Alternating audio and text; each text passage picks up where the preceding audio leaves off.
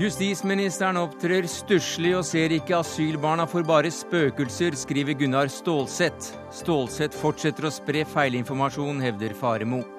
Karzai kom, så og dro med løfte om mange flere norske kroner. Hvor smart er det å gi et av verdens mest korrupte land enda flere milliarder, spør vi. CO2 er ikke så viktig for klimaet på jorda, ifølge Frp. Synd opplysningstiden ikke har nådd partiet, sier miljøvernministeren. Nordmenn er bistandsavhengige, og våre egeninteresser begrenser utviklingen i fattige land, sier direktør ved BI. Håpløse kommentarer, ifølge seniorforsker på Christian Michelsens institutt.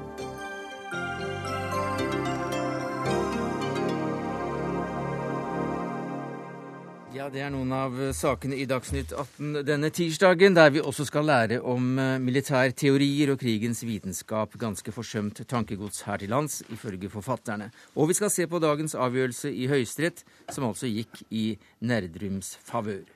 Men vi begynner med kampen for at flere asylbarn må få bli i kongeriket. En sak som fikk folk ut i gatene over hele landet nå tidligere i år. Og siden har du engasjert deg også i avisspaltene, biskop emeritus Gunnar Stålseth. Og i dag karakteriserer du justisministeren og hennes begrunnelser som stusslig, og mener at hun ikke ser barna for bare spøkelser. Stusslig? Ja, La meg begynne med det stusslige. Det var begrunnelsen for at uh, innvandringsregulerende hensyn skulle trumfe uh, det som er hovedprinsippet i Barnekonvensjonen om barns beste. Mm.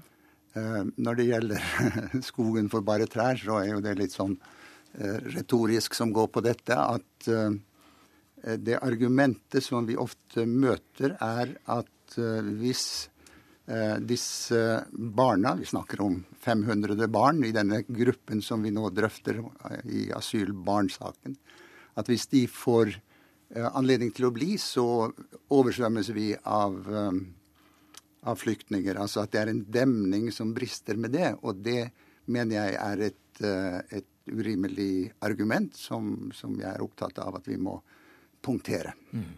Og det er det du da kaller eh, å, å være redd for spøkelser? For spøkelsene ja. er alle de som da eventuelt ville storme inn i, inn i landet? Ja, vi har en, vi har en eh, generell eh, god regulering av innvandrings- og asylpolitikk. Og det er ikke noen som, så vidt jeg vet, som argumenterer for at vi skal ha fri slipp uh, inn. Så det er, det er ikke snakk om det, men det er snakk om at vi med den asylpolitikk og den flyktningpolitikk vi fører, så må det være noen rom og noen dimensjoner som er preget av eh, humanisme, av eh, humanitære hensyn. Og dette har vi argumentert sterkt for akkurat i dette med asylbarna. Ja, hva sier du til dette, justisminister Grete Faremo? Både, både stusslig og du ser spøkelser på høylys dag. Ja, Retorikken kan vi jo komme tilbake til, for dette handler jo egentlig om demokratiet og det flertallet som har bestemt hvilken asyl- og innvandringspolitikk vi skal ha. Der er det et bredt flertall i Stortinget. Og vi har en streng, men rettferdig politikk. Og noe av det jeg har vært opptatt av, det er eh, at Barnekonvensjonen eh, var noe av det Stålsett skapte en misforståelse rundt. Det må ikke herske tvil om at Barnekonvensjonen har forrang der hvor den eh, er i motstrid med norsk lov. Og så er det likevel ikke slik at den trumfer ethvert eh, forhold. Og slik har mm. alle regjeringer i Norge faktisk praktisert den. Dette er kjempeviktig. Det er riktig at uh, det stadig fra regjeringens side og fra forvaltningens side understreker at uh, barns rettigheter eller barns beste er det viktigste prinsippet. Uh, men det vi har sett, er at i realiteten er det dette mer diffuse innvandringsregulerende hensyn som, som spilles inn på en slik måte at det har skapt uklarhet. Og det er jo grunn til altså Justisministeren henviser til Stortinget. Uh, og det er jo da særlig med sikte kanskje på den, den uh, diskusjonen som var om barn på flukt, uh, hvor også regjeringen sa at man har praktisert dette prinsippet for stramt, eh, og at det ikke var en enhetlig praktisering. Eh, Stortinget sluttet seg vel til det, men vi har ikke sett noen endring etterpå. Når det gjelder forståelsen av Barnekonvensjonens formulering av barns beste, så er også den overvåkingskomité som FN har når det gjelder Barnekonvensjonen, eh, presisert at barns beste ikke kan trumfes av innvandringsregulerende mm. eh, politikk. Men det gjør den altså av og til i Norge? Nå snakker Stålsett om en annen protokoll til Barnekonvensjonen som skal behandles på vanlig måte av norske myndigheter, som også gjøres av andre lands myndigheter. Det som er viktig Jaha, å slå så, fast Så dere snakker ikke om den samme delen av Barnekonvensjonen? Det var den, eh, den tilleggsprotokollen jeg regner med at eh, Stålsett refererte til. Men jeg har lyst til å si at alle får sine sak, eh, saker vurdert. Og asylinstituttet er beregna for å gi beskyttelse og opphold til de som trenger det. Vi snakker altså om familier som har fått sine saker vurdert, og hvor det ikke har vært eh, slike grunner for opphold i Norge. Og da forutsetter både Stortinget og vi at eh, de som får et avslag, returnerer mm. frivillig til sine hjemland. Jeg syns det er kjempeviktig å understreke dette når vi skal diskutere eh, de spørsmålene som både Stålsett og jeg er opptatt av. For jeg opplever, og det er meget legitimt, at Stålsett tar til orde for skal vi liberalisere. Vi snakker om barn og barnefamilier, et slikt antall, at eh, det er det vi egentlig mm. snakker om. Eller om vi skal velge å bruke et virkemiddel som et amnesti her, som er jo grunnleggende urettferdig i forhold til de som ikke nyter godt av det. Men eh, tross alt, den, den politikken som du står for og regjeringen står for nå, den bygger ifølge deg, Stålsett, eh, på kyniske partipolitiske strategier i kampen om velgernes gunst? Premissleverandøren, slik jeg, opp, slik jeg, opplever det i asyldebatten, er uh, ikke kanskje primært uh, verken Arbeiderpartiet eller uh, regjeringskoalisjonen, men det er Fremskrittspartiet og Høyre. Mm -hmm. Vi ser i den Det er rød-grønn regjering vi har, da? Ja da. Vi ser i den gallupen som Eller undersøkelsen som var offentliggjort i Klassekampen for noen få dager siden, at et flertall i befolkningen er enig med den hovedposisjonen som jeg har argumentert for, og et flertall i Arbeiderpartiet. Vi ser at vi har en delt høyesterett når det gjelder forståelsen av forholdet mellom barns beste og innvandringsregulerende hensyn. Vi har uttalelser fra Bispemøtet og Human-Etisk Forbund.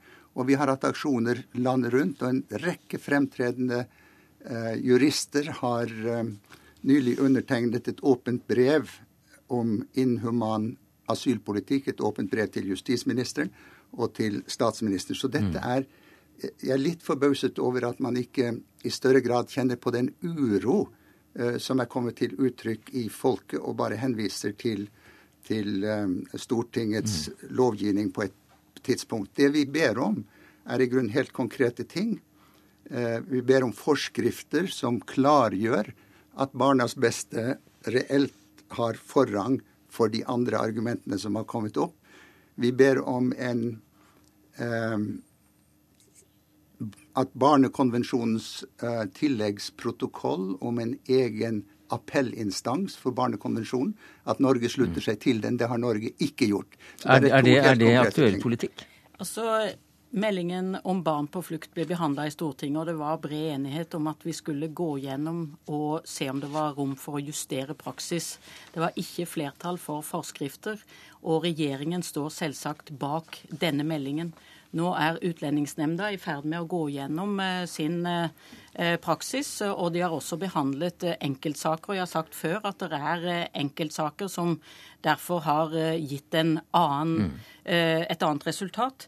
Og igjen så er jeg opptatt av retorikken. For nettopp eh, som programlederen refererte til, når det brukes uttrykk som kyniske partipolitiske strategier, da er dette uttrykk for at også dette feltet må partier ha lov til å ha synspunkter på, og vedtak gjøres i Stortinget. Det er dette som handler om demokrati. Mm. Så biskopen er, er altfor tabloid her? Jeg opplever at man eh, rett og slett fratar politikerne det rommet for diskusjon de må ha også på dette vanskelige Nei, det, feltet. Det, det er helt uenig.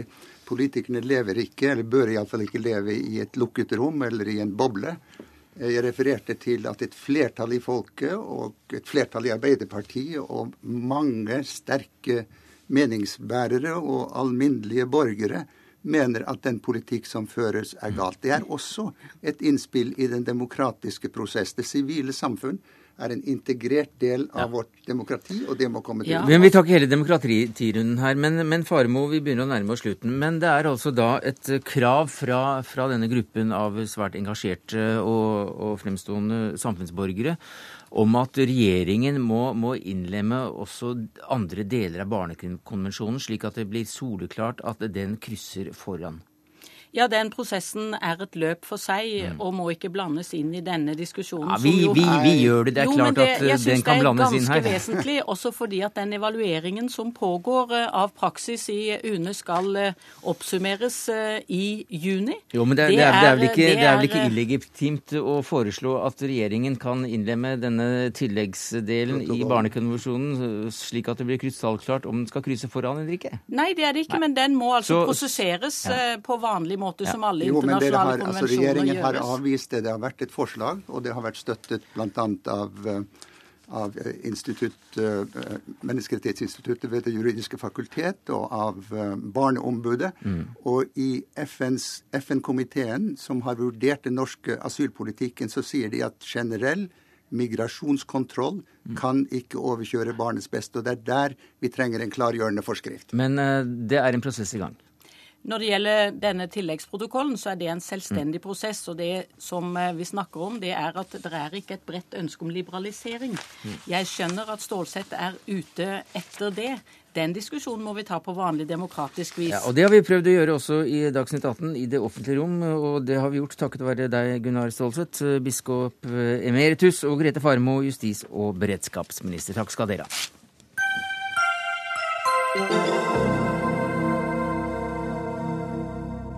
Norske soldater har ofret livet i Afghanistan. Norge har bidratt med et eh, tosifret antall milliarder kroner. I dag takket Karzai selv for støtten på en pressekonferanse i hovedstaden Oslo. Norway has been at the forefront of uh, Afghanistan in the past 10 years. You have uh, been indeed selflessly contributing to Afghanistan's security and social and economic development. Norge har stått eh, i front for å hjelpe Afghanistan. De siste ti årene har dere uselvisk bidratt til sikkerhet, sosial og økonomisk utvikling og har bidratt til forbedring for afghanske liv. Var det eh, noenlunde dekkende beskrivelse av det norske engasjementet, statssekretær i UD Torgeir Larsen? Det var i hvert fall noe av det vi har forsøkt å, å gjøre. Både eh, å bidra til sikkerhet, som også har vært et bidrag til vår egen sikkerhet. Derfor, derfor eh, engasjerte vi oss. Og det har også vært et, et, bidrag for å stabilisere, hjelpe til å stabilisere Afghanistan. Eh, det har vært eh, formålet. Og det at presidenten sier det han sier, det, det er for så vidt hyggelig. Mm. Den er altså todelt, denne støtten. Det ene er militært, som vi har vært svært opptatt av, og det andre er altså uh, utviklingskroner. Norge forplikter seg i denne nye avtalen med Afghanistan å gi 750 millioner kroner årlig fram til 2017. En årlig sum vi allerede har for så vidt gitt i, i en periode. Hva først og fremst er det pengene skal gå til? Pengene eh, går til en lang rekke altså prosjekter innen de sektorene vi allerede er engasjert. Eh, det er styresett, eh, det er utdanning, det er også i, i sikkerhetssektoren. En god del av pengene, halvparten, går over afghanske budsjetter. Så jeg vil si én ting. og Det er helt riktig som du sier, at vi har bidratt militært, sikkerhetsmessig og sivilt. Det som skiller oss fra en del andre land, er at vi hele tiden holder de to Eh, budsjettlinjene separat. Altså Vi bidrar ikke sivilt humanitært som en mm. del av en militær eh, innsats. Men det kan vi ta en annen gang, for det er ikke tema. Men temaet er også hva som har skjedd i løpet av dagen. Og ifølge pressemeldingen er forpliktelsen eh, mellom disse to statene det er altså gjensidige forpliktelser. Afghanistan lover å styrke innsatsen for menneskerettigheter og i tillegg kvinners rettigheter. Ikke bare menneskerettigheter, men kvinners rettigheter. Styresett og korrupsjonsbekjempelse. Det å øke innsatsen virker jo da ganske mye vagere enn å telle opp antall millioner kroner. Hvordan i all verden skal eh, Norge vite om Afghanistan holder sin forpliktelse? Altså, dette er en del av et bredt avtale mellom det internasjonale giversamfunnet og Afghanistan. Ja, hvordan skal Norge kontrollere jo, meg, dette med økt innsats? Jo, men La meg få fortelle det. Ja. Og Det handler om det store givermøtet og den avtalen som vi inngikk i eh, sommeren i fjor i Tokyo. Og Der er det en lang rekke eh, premisser som ligger til grunn for vårt ønske om å bidra videre. Det handler om styresett, som da afghanerne må forplikte seg til og har forpliktet seg til i Tokyo, og nå overfor oss, eh, Norge og Afghanistan, når det gjelder eh, tiltak mot korrupsjon. Så du mener at dette er ganske kontrollerbare størrelser? Det er kontrollerbare i den forstand at det er i Afghanistan. Det er risiko å drive med utviklingshjelp om det er Afghanistan, mm. eller om det er Afrika, eller andre eh, land med svake institusjoner. For vi snakker jo om det landet som hopper opp og ned på ti på topplisten av verdens mest eh, korrupte eh, stater. Kristian Berg Harpviken, du er direktør ved fredsforskningsinstituttet PRIO, og du har forsket på dette landet i en årrekke. Hva tror du om hvordan pengene brukes? Er det mye som tyder på at kronene blir brukt slik de er tenkt fra norsk side? Du, Det er nok eh, helt åpenbart et blanda bilde. og Jeg ser jo også at pressemeldinga fra UD i dag eh, legger vekt på at eh, disse pengene bevilges nå over en femårsperiode på betingelse av kamp mot korrupsjon og, og godt styresett. Og det er klart, Skal man ta den teksten fullstendig på alvor, så er det vel tvilsomt om det blir noe behov for å utbetale disse pengene. For vi vet allerede i dag at eh, både når det gjelder styresett og når det gjelder korrupsjon, så er eh, Afghanistan eh, i veldig store problemer. Og det er svært, svært vanskelig å tenke seg en politisk utvikling over de neste i hvert fall to-tre årene. Jeg skal være forsiktig med å spå så langt frem som fem, men de neste to-tre årene hvor man får bukt med korrupsjonen, og hvor man får et ryddigere styresett. Snarere tvert imot så tror jeg jo det internasjonale samfunnets signaler til den afghanske regjering må ses i lys at nå vet man at man trekker seg ut. Man vet at man går inn i en enda vanskeligere periode, og at i den grad man har oppnådd ting når det gjelder Eh, bl.a. demokrati og menneskerettigheter, så står mange av de gevinstene på spill. Altså, Bildet i Afghanistan er absolutt eh, sammensatt. Det er et av de aller fattigste landene i verden. Men ifølge Harpviken her så kan vi spare de 750 kronene, for uh, betingelsene kommer ikke til å bli, bli uh, Nei, da, for betingelsene kommer ikke til å bli etterfulgt. Men da har Harpviken lest avtaleverket dårlig, både det som kom ut fra Tokyo, og det står det 'innsats mot korrupsjon'. Innsats for å bedre styresettet. Innsats i forhold til kvinners rettigheter. Eh, hvis vi skal si at det skal være null korrupsjon, ikke tenkbart med korrupsjon i Afghanistan, da er jeg helt mm. enig i Harpiken. Da kan vi spare de pengene. Vi snakker også om innsatsøkning her, Harpiken. Ja, altså Nå har for det første ikke jeg sagt at man bør betale null ut i penger, så det var vel programleders litt røffe oppsummering. Eh, men jeg henviste altså til Utenriksdepartementets eh, blodferske pressemelding som, som lå ute på deres hjemmesider i dag. Eh, jeg mener jo at den norske innsatsen har, eh, som jeg sa, hatt, eh, det har vært et litt blanda bilde. Men Norge har, samtidig som man har gått i mange av de samme fellene som alle andre internasjonale aktører, også skilt seg ut med å rent strategisk satse på en del områder som andre ikke har tort å satse på. Og mm. det har vært Eh, kjempeviktig i helt kritiske perioder i, i tiden fra 2001 og framover. Et eksempel er når Norge gikk inn allerede i 2002-2003 og brøt med det som på en måte er et oppløst eh, hellig eh, prinsipp i internasjonal bistand. Man skal ikke gi penger til løpende drift. Norge gikk inn og ga penger til løpende drift, og det var helt kritisk for at denne regjeringsstrukturen skulle komme seg gjennom en en, en tidlig fase, og, og, ikke rett og slett eh, rakne og miste all troverdighet i forhold til sin egen befolkning. Da slutter vi eh, akkurat der når det gjelder akkurat eh, pengesekken som denne avtalen dreier seg om, Groholm. Du er utenrikskommentator her i NRK. For Hamid Karzai har vært på norgesbesøk og vært opptatt av andre ting også enn akkurat kroner og øre.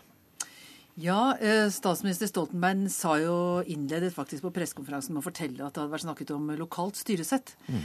Og Karzai skal ha vært ganske opptatt av nettopp dette med forholdet mellom sentrum og, og periferi, eller sentrum og, og lokale styresett. Og det er viktig i Afghanistan. fordi du har ulike folkegrupper som dominerer ulike regioner, ulike provinser.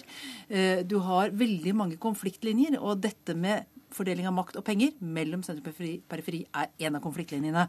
Eh, I distriktene så mener veldig mange at de får altfor lite eksempel, av bistandsmidler og av de statlige budsjettkronene. Det er ikke det er ikke kroner, egentlig, men mm. tilsvarende. Eh, og, og, det er en mulig konflikt som kan bli enda verre når Karzai går av i 2014. Og så er det forvaltning av naturressurser. Og der har Norge en lang tradisjon på, på, å finne ut hvordan vi både skal kunne invitere utlandet inn til å være med å utvikle naturressurser, men samtidig beholde styringen. Og det vil også Karzai noe om. De har masse mineraler. De har olje og gass, men de har veldig lite statlige penger for å utvikle ressursene.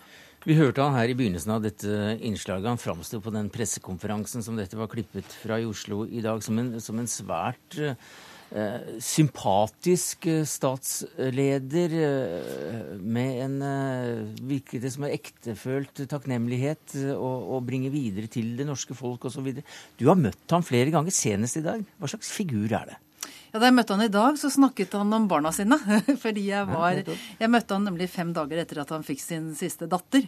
Eh, så det var naturlig å starte der. Eh, det er høflig å gjøre det på afghansk vis. Eh, han er en sjarmerende mann, og han vet jo veldig godt hvordan han skal snakke med folk fra Vesten, ikke bare politikere. Og han vet også hvordan han skal snakke med afghanere. Men eh, noe av problemet hans er jo at det er, det er, så mye interessemotsetning at det holder jo ikke, skal du styre et land som Afghanistan, å være sjarmerende. Eh, det må ganske mye makt til, og du må de, ha de riktige kontaktene, inngå de riktige alliansene, balansere eh, de ulike interessene mot hverandre. Det har jo Karzai for så vidt på sett og vis klart. da. Han har jo klart i en slik grad at verden, og nå snakker jeg verden, vestlige land, er veldig bekymret for hva som skjer den dagen han går av. Ja. Og hva skjer den dagen han går av, Anders Sømhammer? Du er frilansjournalist, bodde i Kabul siden 2007, fått Fritt Ords pris for 2011 for din innsats til å informere oss andre. Eh, hva slags situasjon ser dere som bor der, for dere etter at Karzai går av? Det er veldig vanskelig å svare på. Det er det store spørsmålet. Eh, det som virkelig preger Kabul og resten av Afghanistan nå, er en enorm usikkerhet. Eh, vi har flytta til Afghanistan i 2007. og Siden den gang så har det vært en ganske ekstrem forverring av sikkerhetssituasjonen, mm -hmm. som legger føringer for alt. Og man ser nå en etnisk mobilisering i landet. Veldig mange krigsherrer og, og større og mindre væpnede grupper som er forbereder seg på at de utenlandske soldatene forlater landet. Det er de godt i gang med. og Det skal bli sluttført i neste år. Og da vil det være en veldig stor maktforskyvning i Afghanistan, og ingen vet helt hva som skal skje. Men de fleste jeg møter, eh, forventer at det blir verre. Hva tror du om det, Larsen? Altså Utviklingen i Afghanistan, hvor den går hen, eh, det er ikke vanskelig å være Eh, usikker og engstelig eh, for det. Eh, det er ikke noe argument for ikke å jobbe videre. Jeg tror at alle de årene vi og andre i det internasjonale samfunnet har vært til stede i Afghanistan, så har det gjort mange feil. Vi har lært av noe av det. Et av det vi har lært, det er at tydeligheten i forhold til Eh, betingelser eh, når vi nå går videre på den sivile biten, er mye klarere enn noen gang har vært. Og Det betyr at eh, når vi har holdt tilbake penger tidligere, det har vi gjort, så vil jeg bli overrasket om ikke det vil skje i økende grad eh, framover. Men la oss glemme denne pengesekken og heller se på hva som skjer altså etter at Kasai går av til neste år, Gro Holm. Hva slags bevegelser er det i Afghanistan rundt akkurat en slik maktoverdragelsessystem? Altså, du har jo atskillig posisjonering i Afghanistan. Og i nord, f.eks. i Faryab-provinsen, så er det jo både Taliban til stede, men det er også masse, en del andre grupperinger. Det er uh, usbekiske organisasjoner, ikke minst, ganske militante også. tajikiske tadsjikiske organisasjoner. Uh, så det er mange som nå posisjonerer seg for det tidspunktet da utlendingene, eller i hvert fall kampstyrkene, er ute. og, og det er Um, Men Betyr det full krig, eller betyr det bare at det blir eh, flere valglister? Det, det vet vi jo ikke ennå. eh, det vil jo bl.a. avhenge av hvordan 2014-valget går. Det er jo en sånn kritisk terskel ja. som de skal over. Fordi hvis det skjer, at det er så mye krig i de pashtunske områdene som pashtunerne er flertallsbefolkningen, at andre får flertall, altså ikke-pashtunere får flertall i valget, fordi folk pashtunere ikke kan møte opp fordi det er så mye konflikt og krig og trusler og sånn, så vil jo det kunne være en kilde til virkelig voldelig mm. konflikt og at ting kommer ut å kjøre. Hva tror du det kommer til å skje etter valget til, eller før valget til neste år, Harpviken? Nei, Her skal man jo være veldig forsiktig å spå, men som flere har vært inne på her, så er det jo veldig vanskelig å være kjempeoptimistisk. Eh, jeg eh, er jo usikker på eh, dette, om dette kommer til å holde seg stabilt fram til valget. Eh, det er mye som, som mye spenninger under overflata allerede. Vi ser at denne regjeringsalliansen, som jo er ganske skjør, den knaker i sammenføyningene. og et verstefallsscenario, ikke minst sett fra det internasjonale samfunnets side, er jo et, en situasjon der dette faktisk går i oppløsning før man mm. har uh, trukket seg ut. For da sitter man faktisk med ansvaret på en helt annen måte enn man har lagt opp til. Er det også bekymringer som du deler fra Kabul, så å si, Semame? Ja, absolutt. Altså, jeg har ikke vært uh, veldig optimistisk de siste årene, men det kollapset som Afghanistan er inne i nå, har gått mye fortere. altså Den prosessen har gått mye fortere. Hva slags, hva slags kollaps? Du, det er en oppløsning det er en, uh, i sikkerhetssituasjonen der det er lovløshet som råder. Uh, om nettene overalt, og også om dagen i, i stadig større områder. Det er farlig å reise rundt i Afghanistan, mye farligere enn før. Det er veisperringer. Folk blir kontrollert. Folk som Eh, jobber for myndighetene, risikerer å bli drept hvis man blir tatt med ID-kort som viser at man jobber for den afghanske staten. Det er en ekstrem sikkerhetssituasjon som, ikke, som er vanskelig å få føling med her hjemme, men som alle føler i Afghanistan. I større og større grad? Ja, absolutt.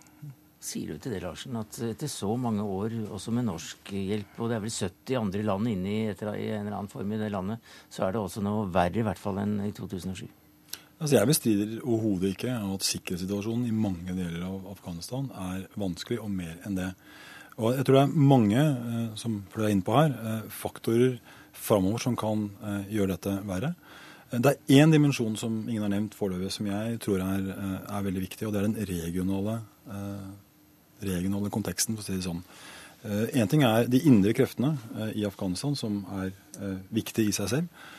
Men hvorvidt omlandet til dette landet med veldig mange naboer, med veldig mange ulike interesser, mm. eh, vil etter hvert opptre stabiliserende eller destabiliserende, som på en måte har vært historien.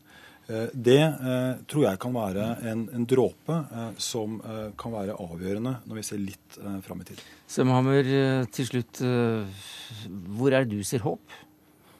Blant de unge. En veldig stor del av den afghanske befolkningen, faktisk 50% er under 18 år. Eh, det er veldig vanskelig å flykte fra Afghanistan. Det er stadig flere som snakker om det, men de fleste er eh, innstilt på å bli boende der og ønsker da å leve i fred. Takk skal du ha, Anders Sømmehammer, frilansjournalist, eh, ofte i Kabul. Torgeir Larsen, statssekretær, ofte i Kabul òg, men da som representant for Utenriksdepartementet. Gro Holm, utenrikskommentator her i NRK, Kristian Berg Harpviken, direktør ved PRIO.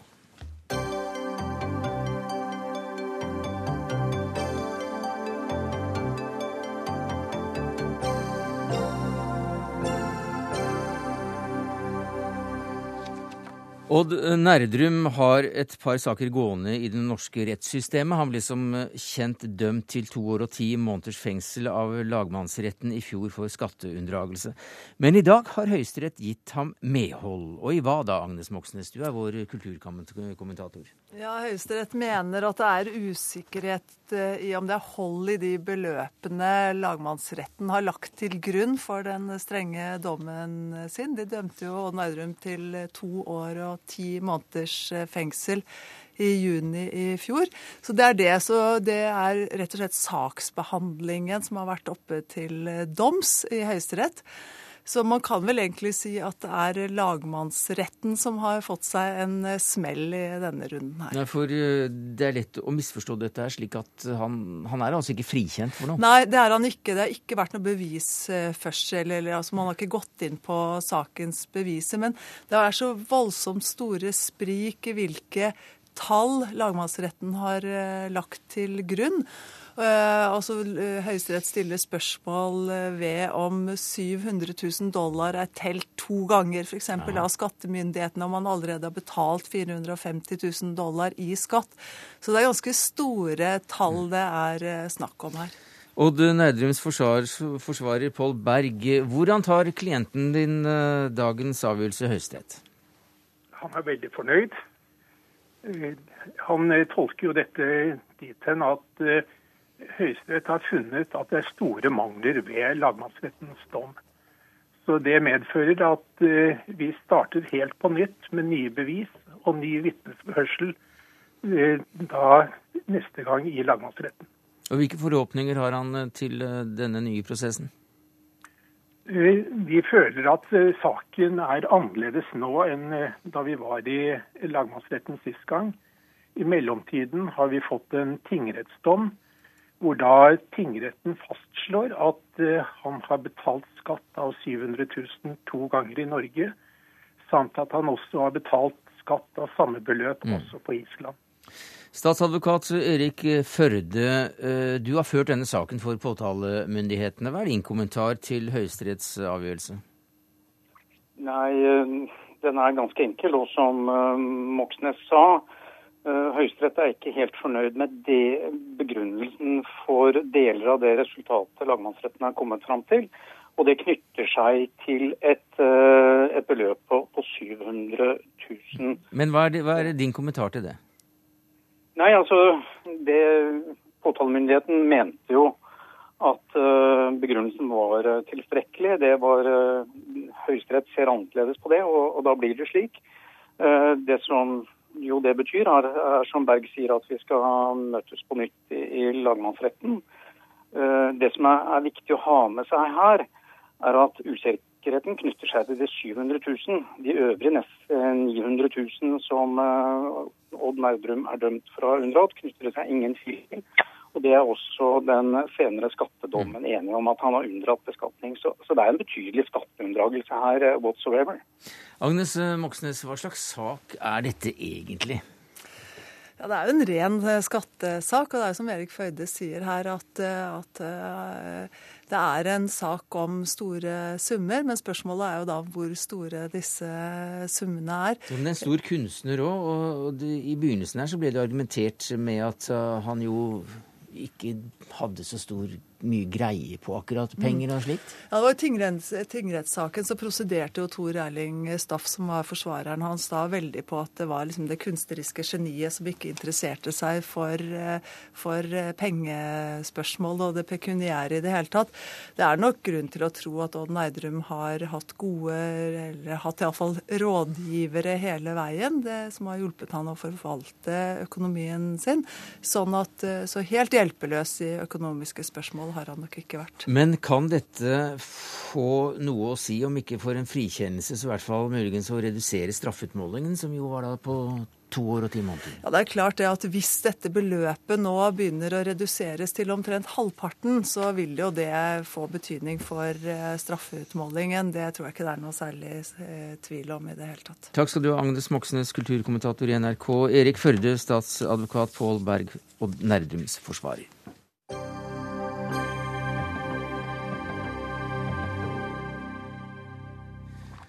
Striden om hva som styrer temperaturen her på jorda, er neste tema i Dagsnytt 18. Nå har eh, FrPs eh, syn på dette fått miljøvernministeren til å uttale til Dagbladet at han er trist. Trist for at eh, citat, 'opplysningstiden ennå ikke har nådd partiet'.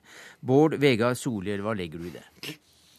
Du, jeg vil egentlig si at Grunnlaget for sivilisasjon, for at vi kan, virkelig kan løse problemer, er å høre på vitenskapen, enten det er i medisin eller ingeniørkunst eller klimaforskning.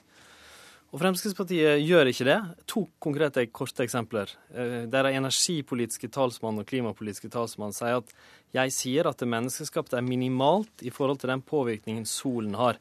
Derfor er det galskap å bruke milliarder av kroner på en hypotese om at eventuelle klimaendringer er menneskeskapt. Eller partilederen Siv Jensen, som gjentatte ganger har blitt utfordra på Stortingets talerstol med det enkle spørsmålet tror hun på menneskeskapte klimaendringer. og som nekta å svare på det, eh, og svarer en av de siste gangene at 'derom strides de lærde'. Men det er feil. Det strides ikke. Det er en av de tyngste vitenskapelige eh, innsikter vi har i dag, at menneskeskapte klimaendringer finner sted. Så rett fra den mørke middelalder, Ketil Solvik-Olsen, Frp, hva sier du til dette? Her ser vi en miljøvernminister som eh, leide med lys og lykte etter et par sitat som han kan bruke. Han ser fullstendig vekk fra alle de andre sitatene som viser noe annet. Nemlig at Fremskrittspartiet, ja, vi diskuterer årsakene og effektene av klimaendringer, og mener at det er noe som vitenskapen skal gjøre. Ikke så mye politikere, mest vitenskapen, men politikerne skal stimulere debatten for å få bedre svar. Så har vi sagt at vi skal òg være føre var, fordi at advarslene er så klare at vi bør gjennomføre tiltak for å kutte CO2-utslipp. Men vi må prioritere de gode prosjektene og ta vekk de dårlige prosjektene. Så at det må gå an å ha begge diskusjonene gående. Men det som f.eks. Solhjell sa vekk ifra, han har tatt et sitat som jeg tror er fra VG i april i fjor, på Per-Willy Amundsen. Dagbladet i går så ser han at Per-Willy Amundsen sier at ja, det er en sammenheng mellom CO2 og klimaendringer. Sånn at Da bør han jo se på helheten i det vi kommuniserer, og ikke bare til ett sitat som han eh, bruker til egen fordel. Det er veldig uvanlig med en politiker som eh, avviser partilederen som en autoritativ kilde for hva partiet står for. Det. Som gjentatte ganger nekter å svare på at ja, det finnes menneskeskapte klimaendringer fra Stortingets talerstol.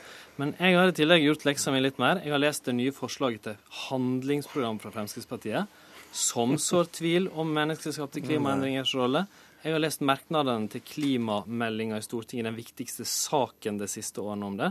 Det er gjennomgående sånn der at de problematiserer om det fins, sår tvil om det, Nei. uttaler seg om det på måter som, er, som, er, som bare klimaskeptikere internasjonalt gjør. Ja, vi er kritiske til en del av påstandene. Og SV kommer og sier at en klimaendring alltid vil medføre 6 grader temperaturøkning og 13 meter havøkning. Så sier vi at det er ikke nødvendigvis tilfellet. Det er en del forskning som også viser at dette kan like godt bli en halv grad eller en og en halv grad. Så det er nyansene Det er, vi snakker om her? det er nyansene her. Og da, hvis ikke vi er enige i, i Solhjells nyanser, så er vi plutselig blitt fornektere. Men det er jo nok for Solhjell skulle sett på hva Frp mener. Så må du lese hele merknaden vår. Du tar enkelte deler. Konklusjonen på det du sier er fornektelse, er jo likevel at vi støtter la meg la meg nei, nei, nei, nei, men la meg konkludere. fordi at Det du tar fram ett og ett sitat på, du må jo se hva er konklusjonen av det. Er det at vi er imot alle tiltak? Eller er det at vi faktisk allikevel støtter en rekke tiltak? Og vi støtter en rekke tiltak, og dermed så blir hans tolkninger feil i forhold til hva vi faktisk står for. La oss få en debatt om tiltakene istedenfor fordreielse. Kort, om fakta. Sant? I, I klimameldinga skriver de disse medlemmer, altså Fremskrittspartiet, mener politikere bør stimulere til en bredere klimadebatt framfor å forhåndskonkludere. Yes. Men det er vitenskapen som har konkludert sånn. Men ikke på og på seks grader. Det å- det- Og så så tvil om den. Nei, Videre nei. er det samme. Dette spørsmålet er omdiskutert til tross for det generelle inntrykket om at eh, IPCC, altså klimapanelet, har funnet svaret, skriver de i sitt nye program. Jo, men men ærlig talt- Ja, men det ikke det la meg- jeg kort forklare hvorfor det er et problem. Fordi over hele Europa nå, så, og i Norge, så finnes det klimaskeptikere, men nesten ingen steder så styrer det et land. Ikke USA, Frankrike, Tyskland, ikke andre nordiske land. Og det er det land. som gjør deg trist. Det kan komme de til, til å gjøre i Norge.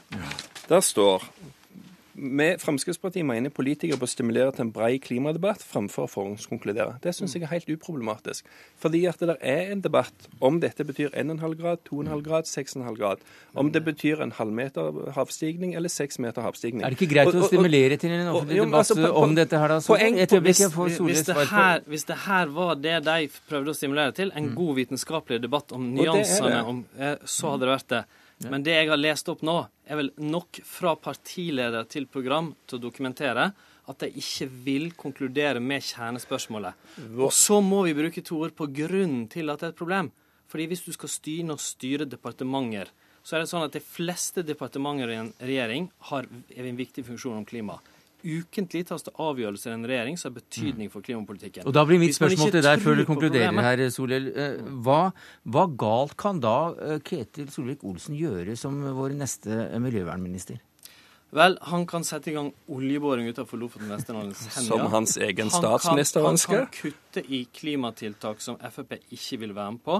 Han kan nekte for et, eller gå imot et viktig prinsipp som heter forurenser betaler, altså at næringsliv, vi enkeltmennesker, faktisk må betale litt for det. Ja, men det som òg er gjennomgangstonen. Jeg vet at Fremskrittspartiet Ja, støtter en del klimatiltak, Ja. men de har òg en helt annen tenkning og er mye mer kritisk til mange av tiltakene fordi de ikke tror på problemet. Men du sa nå Frp støtter en rekke klimatiltak. Allikevel så sier du vi fornekter problemet. Hvorfor i alle dager vil vi støtte sånne tiltak hvis vi mente det ikke eksisterte et problem? Det vil jo være helt tullete av oss.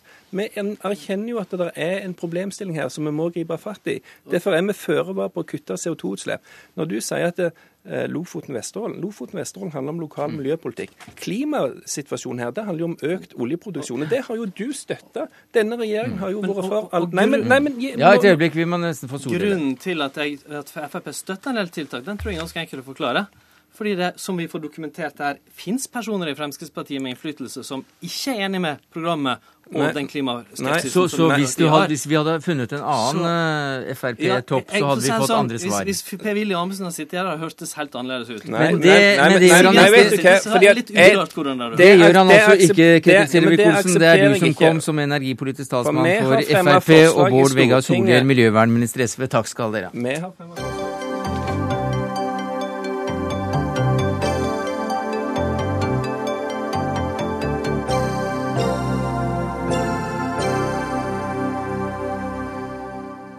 Vi er ikke bare opptatt av eh, miljø og CO2 og slikt, vi er også svært opptatt av eh, Forsvaret, som vi hørte innledningsvis i denne sendinga. Av flykjøp, marinejegere, hvordan det militære løser oppgavene de blir satt til, og ikke minst hva politikerne mener det er verdt å risikere norske soldaters liv og helse for.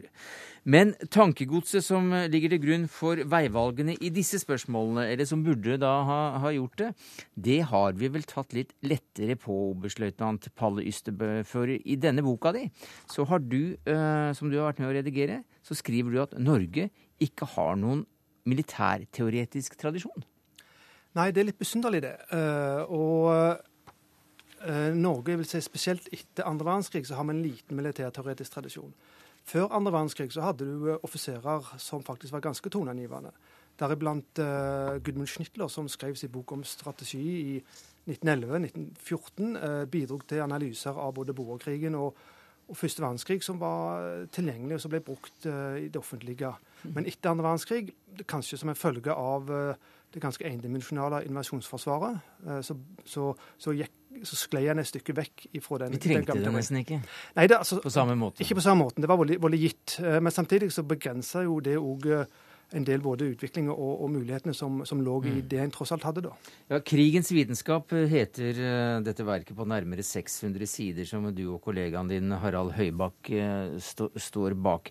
Og hva mener du kunne eh, vært annerledes, eller hvordan vil da eh, slik viten om militær teori eh, forandre både planlegging og, og strategi og evne til å ta de riktige avgjørelsene?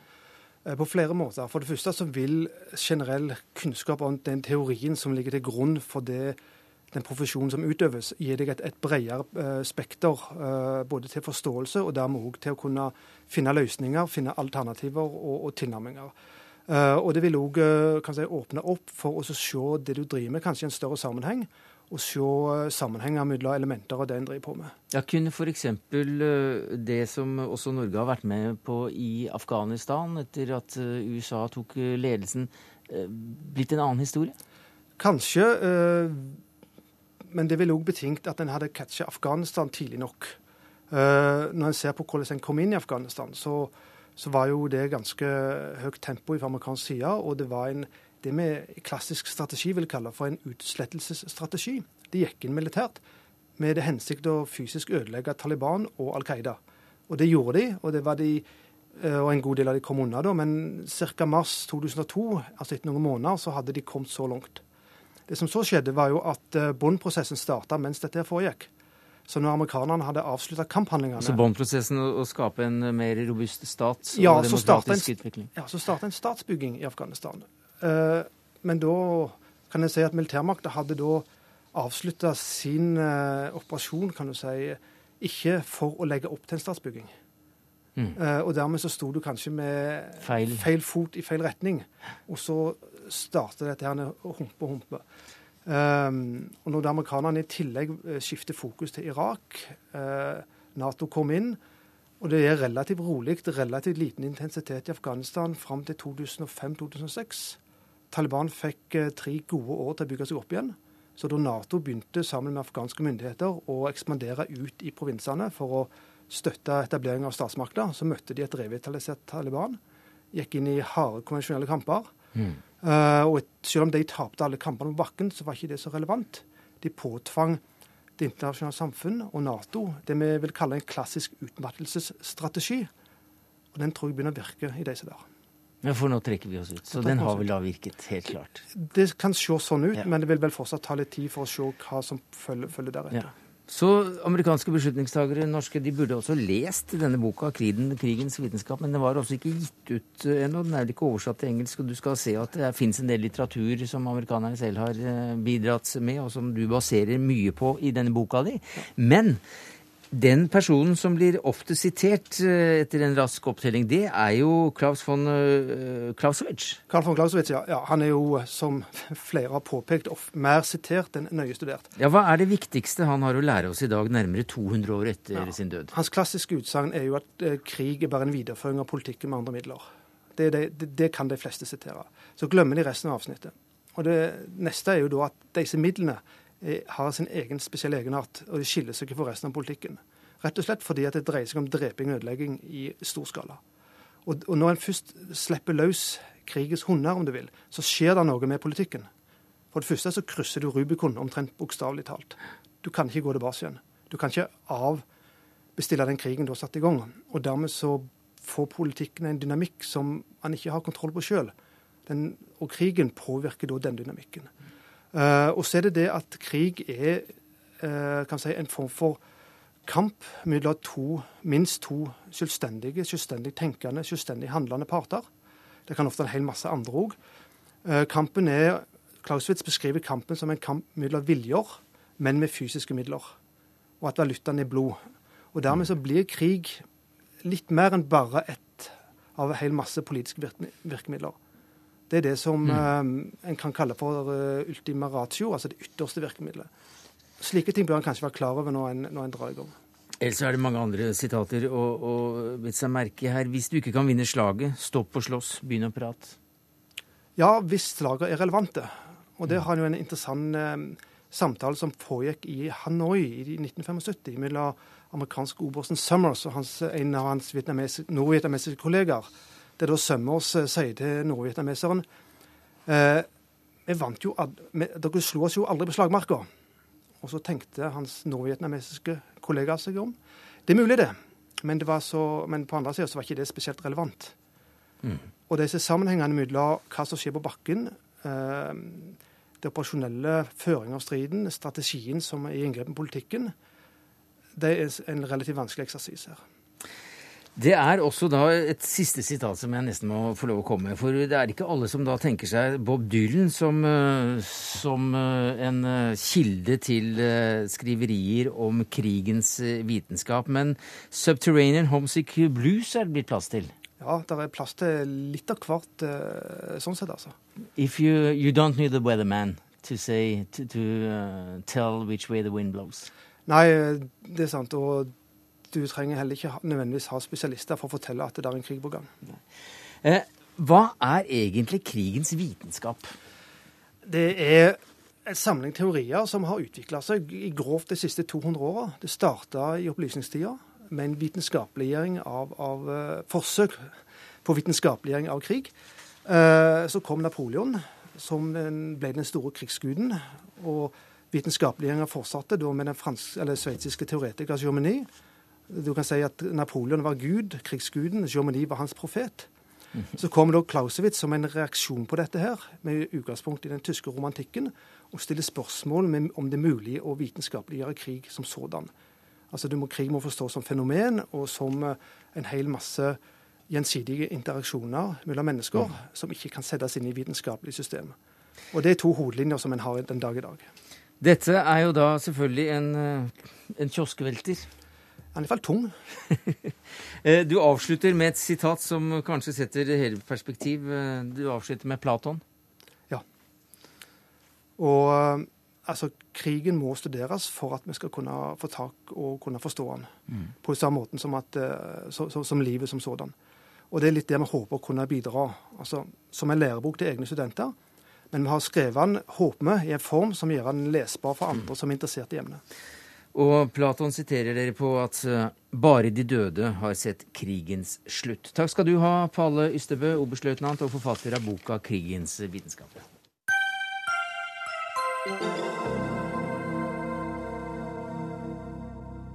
Norsk bistand virker ikke helt som den skal. I flere tilfeller kan den hindre utvikling, og vi må spørre oss hvem bistanden egentlig er for. Ja, det er vel eh, litt av en kortversjon av kronikken som du skrev i Aftenposten, Anne Velle Strand, direktør ved Senter for utviklingsstudier og mikrofinans ved Handelshøyskolen BI. Og dette er det jo da nå flere som hevder. Men du begrunner dette ut ifra at, altså at vi fortsetter å gi og vi fortsetter å gi, det begrunner du ut ifra motiver fra giveren. Eh, hva tenker du på da? Ja, altså Det er jo én av argumentene, da. Mm. Eh, og, og, overskriften til eh, kronikken har blitt ganske heftig. Eh, selv hadde jeg kalt den 'Den tvetydige bistandsavhengigheten'. Eh, og ja, jeg, jeg, ser en sånn uunngåelig egeninteresse av alle som jobber i sine felt, også i bistand. For eksempel? Eh, eksempel i bistand. Ja, hvem, hvem, er det du da ser på som uh, har egeninteresser i, i bistanden? altså, eh, da vil jeg si at det, eh, i bistand, sånn som jeg oppfatter det, så er målet å gjøre mottakerne, våre samarbeidspartnere, uavhengig av bistand. Altså uavhengig av oss som bistandsgivere eller mm. bistandssamarbeidspartnere.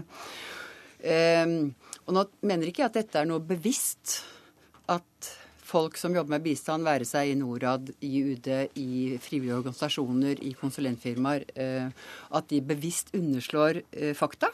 Men jeg syns det over tid har vært en manglende interesse eh, for å se på resultater.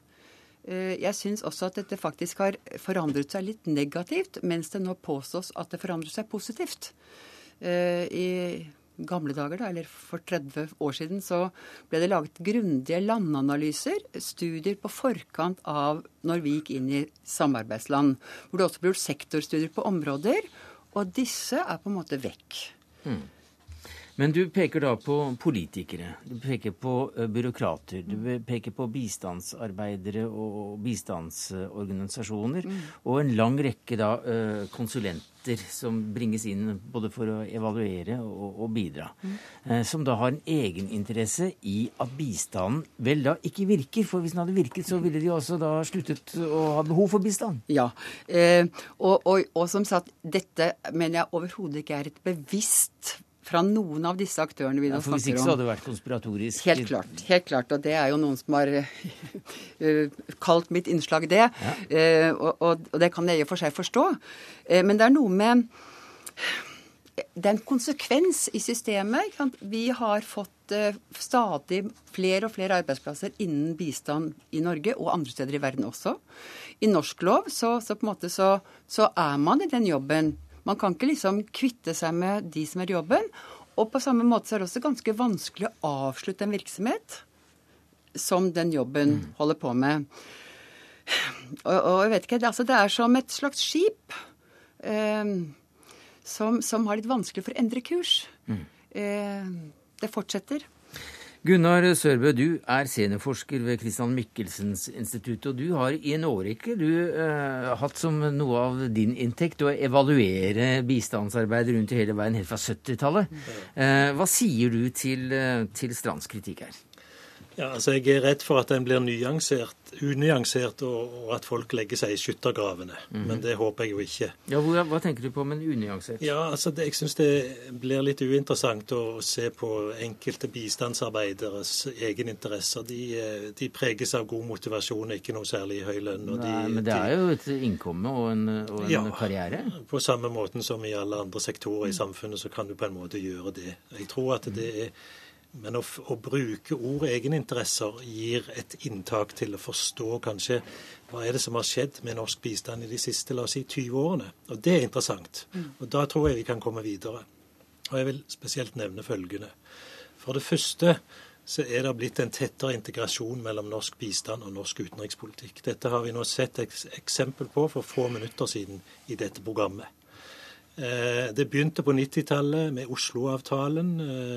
Eh, Nelson Mandela i Sør-Afrika, krigene på Balkan. Og nå, hvilket land er det som får mest norsk bistand? Jo, det er Afghanistan, Sør-Sudan, Sudan osv. Det betyr da at bistand nå gis i sammenhenger som er utrolig krevende, mens vi vel iallfall så noenlunde vet at den fungerer best når den blir et fornuftig supplement til innenlandske ressurser. Og dermed så, så har jo, går ikke det i disse landene. Da har jo for så vidt Anne Velle Strand et poeng ved at eh, det er motivasjonen her i Norge som da styrer, og ikke akkurat Ja. en, eh, en selvutslettende kjærlighet til, eh, til tredje verden og fattige land.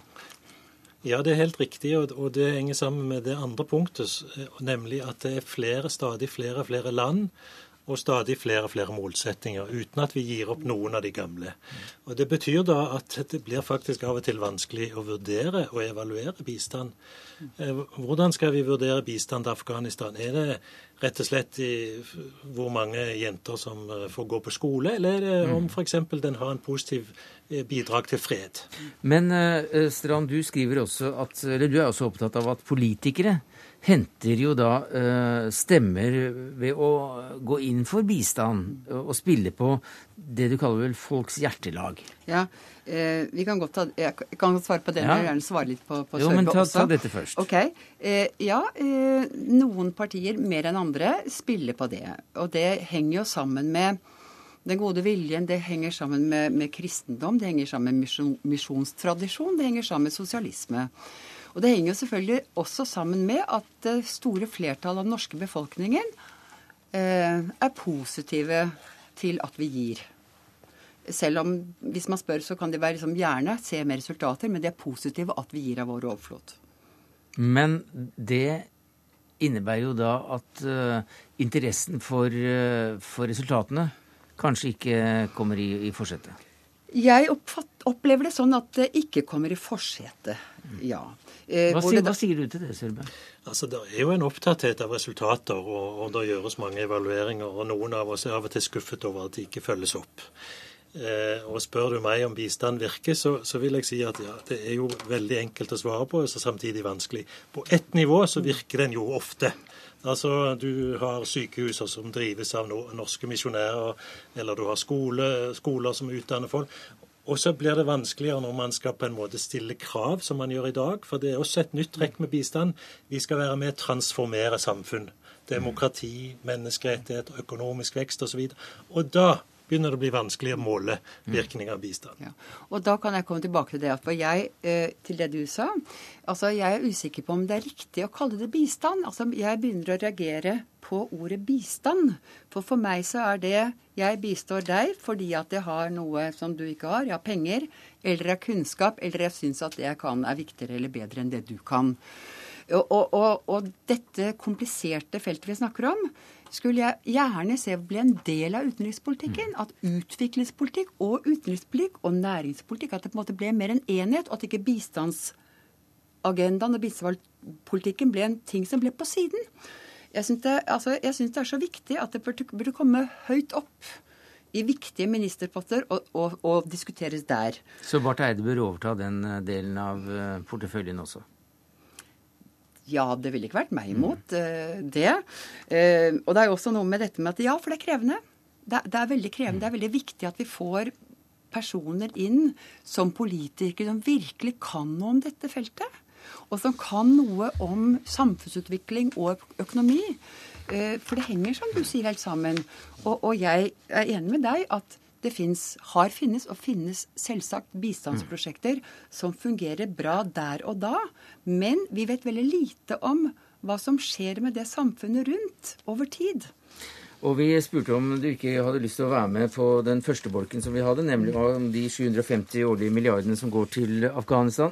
Det hadde du mindre lyst til. Millionene, da. Millionene, i hvert fall. Ja. Det, var det, er måte på.